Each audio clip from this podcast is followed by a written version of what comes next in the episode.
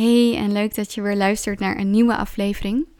Ik ben net wakker, ik heb lekker uitgeslapen en ehm, ja, ik was eventjes mijn Telegram berichtjes aan het uh, bekijken en aan het beantwoorden van mijn uh, cliënten. En dat gaf mij inspiratie voor deze aflevering. Want daarbij kwam het onderwerp zelfafwijzing op het moment dat er een tegenslag is in je business of als er resultaten um, die je wel verwacht niet komen. En wat gebeurt er dan hè, als je jezelf gaat afwijzen en hoe kun je daarmee omgaan? Dat is waar ik het over wil hebben in deze aflevering. En zelfafwijzing is ontzettend menselijk. Ik denk dat we dat allemaal wel herkennen in bepaalde mate. Dat als um, dingen tegenzitten, en ik weet met name als het gaat over bijvoorbeeld relationele dingen, dat we heel snel geneigd zijn om in die zelfafwijzing te gaan. Maar weet je, we zijn allemaal mensen en we zijn dus als ondernemer um, ja, als eerste ook gewoon mens. En dan zijn thema's als zelfafwijzing ook gewoon ja, heel menselijk, om het nog maar eens te benoemen. Maar menselijk betekent niet per definitie dat het ook helpend is. Dus zoals Jan Geurts dat altijd zo mooi zegt, geeft niks, mag best. Dat is een uitspraak die uh, inmiddels uh, binnen de deuren van mijn praktijkruimte regelmatig vallen. En weet je, dat is ook zo. Je bent gewoon mens, je mag mens zijn en het is ook heel menselijk om jezelf af te wijzen. Het is alleen niet helpend. En daarom is het denk ik ook heel belangrijk om je eigen waarde en de resultaten van jouw onderneming van elkaar los te koppelen. Alleen, ik snap ook, hè, als jij in binnen mijn doelgroep valt of als jij cliënt bij mij bent, mijn cliënt in ieder geval, zijn stuk voor stuk ondernemers die alleen staan in hun onderneming. Zij uh, zijn degene die kennis overbrengen of die een expertise hebben en de meeste van hen werken alleen. En sommigen hebben een klein team, uh, maar de meeste van hen zijn zelf de expert.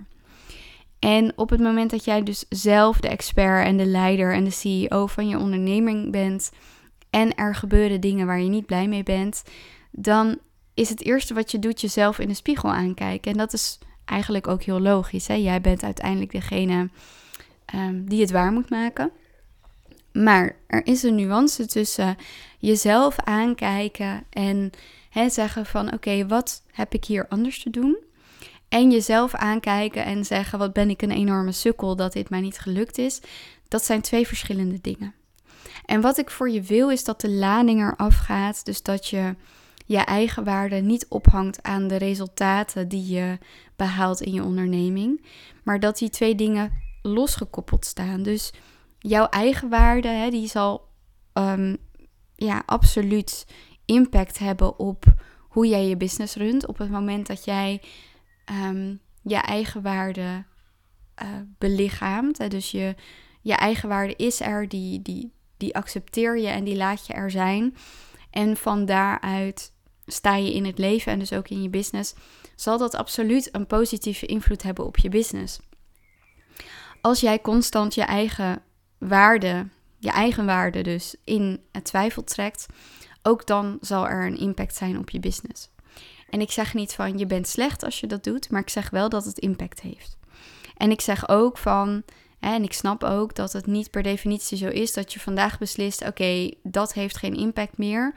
Um, ik omarm mijn eigen waarde en punt, nu gaat alles goed komen. Zo werkt het vaak niet. Het is constant werken. Werken klinkt dan weer heel zwaar, maar het is constant wel um, jezelf blijven sturen in hoe ga ik om met mezelf, wat vertel ik mezelf. Dus die overtuigingen die je jezelf voorschotelt, die zijn wel ontzettend belangrijk voor ja, hoe je je kunt gaan um, bewegen in je onderneming. En nu weten we allemaal dat negatieve overtuigingen over onszelf en over de dingen die we kunnen behalen nooit helpend zijn. Hoogstens leerzaam zijn, maar nooit echt helpend zijn. Um, in ieder geval niet bevorderlijk zijn, laat ik het zo zeggen. Dus daarom is het ook heel belangrijk om wat meer uit te zoomen. En te zien, oké, ik ben een mens met mijn menselijkheid, mijn tekortkomingen, mijn twijfels, mijn overtuigingen. Ik run een business. Die business is enerzijds met mij versmolten en anderzijds een op zichzelf staand geheel. Wat functioneert, maar wel alleen met mijn input. En mijn eigen waarde staat los van de input die ik lever en staat ook los van de resultaten die ik behaal. Of tenminste, ehm, mijn. Ehm, op het moment dat de resultaten die ik behaal in mijn onderneming minder goed zijn of niet zo zijn als ik had gewenst, betekent dat niet dat ik minder waardig ben. En dat is natuurlijk logisch, hè? dat snap je zelf ook wel. Maar toch zijn er momenten dat als het niet goed gaat, dat we onszelf gaan vertellen dat het ligt aan hoeveel we waard zijn. En wat ik voor je zou willen is dat je het ombuigt. Dus dat je het ombuigt naar: oké, er ging iets mis of er is iets niet behaald. Wat kan ik daarvan leren, objectief gezien? Niet zozeer over wat voor sukkel ik ben, maar veel meer over hoe heb ik te leiden? Hoe heb ik me op te stellen in mijn onderneming? Ehm, hoe heb ik misschien ook wel voor mezelf en mijn eigen grenzen te zorgen? In plaats van dus het meteen te betrekken op hè, dat je dus een, een sukkel bent of minderwaardig bent of ehm, dat het je nooit gaat lukken of al dat soort niet helpende gedachten. En waar het dan op aankomt is dat je dus op het moment dat je gaat uitzoomen ook veel objectiever kan gaan kijken naar de situatie en vanuit objectiviteit een conclusie kunt gaan trekken. En die conclusie dus ook weer meenemen in hoe je strategisch nu verder gaat. Wat dus niet betekent dat als je één sales call hebt waarin iemand nee zegt, dat je je hele strategie moet gaan omgooien. Dat is een ander verhaal. Waar je wel naar kunt kijken is: oké, wat leer ik van deze situatie? Waar heb ik iets laten liggen? En niet omdat ik een sukkel ben, maar omdat ik iets heb laten liggen. Ehm, en wat zou ik daarin anders kunnen doen? Of wat, wat zou ik daarin de volgende keer nog beter kunnen doen? Of wat zou ik de volgende keer juist kunnen uh, weglaten in dit proces? En in dit geval ging het dus over uh, het feit dat een van mijn cliënten um, ja had gekregen op een aanbod en vervolgens een nee kreeg. En wat ga je dan doen? Hè? Ga je dan jezelf zitten pijnigen met het idee dat jij iets hebt misdaan? Of ga je heel objectief uh, uitzoomen en kijken naar: oké, wat is de situatie? Wat is er gebeurd? Waar heb ik steken laten liggen die ik de volgende keer wel kan meenemen? Hè? Waar ik dus wel invloed op zou kunnen uitoefenen. En heel vaak is onze invloed veel groter dan dat we denken. En in dit geval, ik ga niet, hè, ook vanwege privacy redenen, niet dieper in op wat er precies is gebeurd.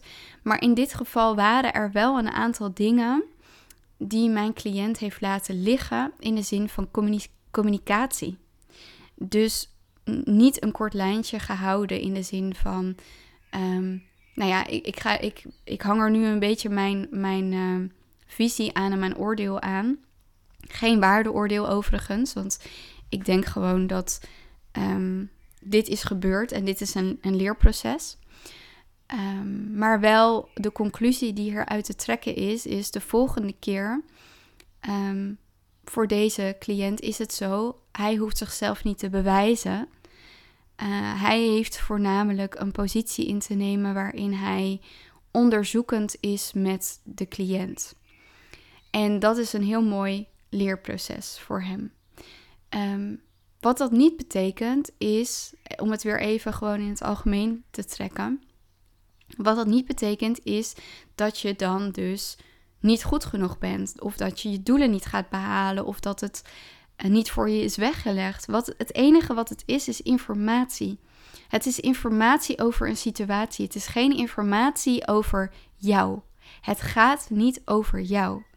En um, ik denk dan, weet je, mijn uh, leraar Elmer Hendricks, of een van mijn leraren, Elmer Hendricks, die heeft het altijd over volwassenheid. Volwassenheid in, um, hè, in je gedrag, volwassenheid in je zijn, volwassenheid in je onderneming. En heel veel mensen zijn niet volwassen. Ik zeg ook niet dat ik volwassen ben. Hè. Ik, ik pretendeer absoluut niet dat ik volwassen ben, want ik zie mezelf hele onvolwassen dingen nog steeds doen, ondanks dat ik me ervan bewust ben dat het onvolwassen is. Maar toch gebeurt het, weet je. Ik heb ook momenten dat ik ehm, dingen zeg tegen mezelf van... ja, gaat het je wel lukken? Uh, waarom denk je dat jij dit waar kunt maken? Wie denk je dat je bent? Weet je, dat soort niet helpende gedachten heb ik nog steeds. Maar ik weet ook dat het voortkomt vanuit onvolwassenheid. Want de volwassen versie van mij, die denkt daar heel anders over. Die ziet van, oh ja, dit gebeurt er, oké, ik observeer, dit is informatie, wat kan ik eruit halen? Een gewoon neutrale informatie, wat kan ik eruit halen? Wat uh, kan ik vervolgens met die informatie doen? En op het moment dat je op die manier naar dingen kunt kijken, dan wordt het een stuk makkelijker, omdat er niet die lading op zit. Als op alles lading zit, wordt het heel lastig. En dat kan je vergelijken met op het moment dat iemand een opmerking maakt van, uh, stel je voor iemand die zegt tegen jou, uh, ja, je hebt dit of dat niet gedaan. En feitelijk heb je dit of dat ook niet gedaan. En wat er bij jou gebeurt is meteen dat je denkt van, oh, uh, diegene die zegt iets over dat ik niet goed genoeg ben of die heeft een waardeoordeel over mij. Nee, feitelijk zegt iemand dat je iets niet hebt gedaan en jij betrekt het meteen op jezelf. En je koppelt daar meteen een emotie aan of meteen een waardeoordeel aan. En dat is precies wat we dus ook doen in dit soort gevallen met zelfafwijzing, is dat er meteen een waardeoordeel aangekoppeld wordt. Maar in geen enkel geval gaat dit over jouw eigen waarde. En dat is denk ik heel belangrijk. Op het moment dat je dus jezelf hierin kunt reguleren, en daar zijn allemaal manieren voor om dat te gaan doen. En ik zou ook zeker zeggen, ga je verdiepen in het werk van Jan Geurts. Ik vind dat heel, uh, voor mij is dat heel helpend geweest. En um, sowieso voor mij is bijvoorbeeld uh, het beoefenen van tantra en het beoefenen van, of tenminste de meer de boeddhistische stromingen en, en meer meditatie en dat soort dingen hebben mij heel erg geholpen toen. Ik mediteer tegenwoordig eigenlijk bijna nooit meer. Of in ieder geval niet in de vorm zoals ik dat ooit heb gedaan. Uh, omdat ik dat niet meer in die zin dient dat mij op dit moment niet. Ik heb dat ook niet nodig meer. Uh, hè, toen had ik dat wel nodig. Nu heb ik dat minder nodig.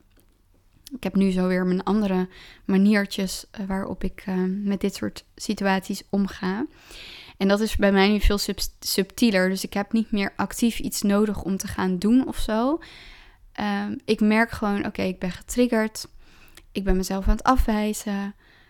er komt heel veel lading op. Ik voel nu emotie. Ik voel nu sensaties in mijn lichaam, buikpijn.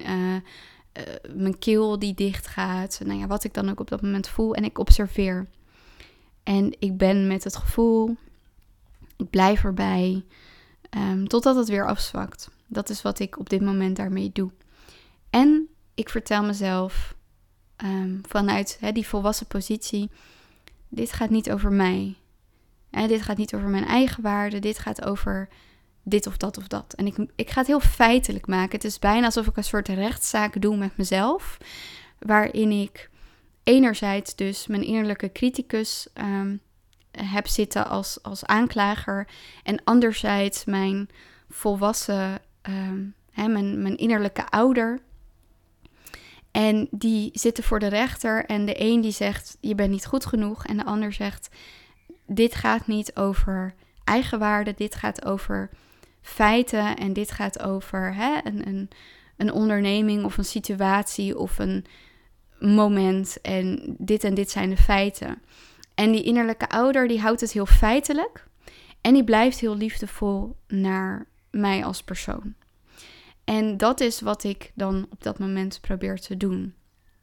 En in de meeste gevallen win ik het dan ook van de innerlijke criticus. Want om, als je het heel feitelijk houdt en je haalt de lading eraf, dan kan het ook bijna niet meer gaan over uh, ik ben niet goed genoeg. Hè, ik ben niet goed genoeg is ook een, uh, bijna een soort excuus om, om niet verder te komen. En dit klinkt een beetje van vingerwijzen van jij verzint nu een excuus om niet verder te komen, maar het is echt zo. Het is een zelfsaboterend um, mechanisme. En wees je daar bewust van dat dat zo is.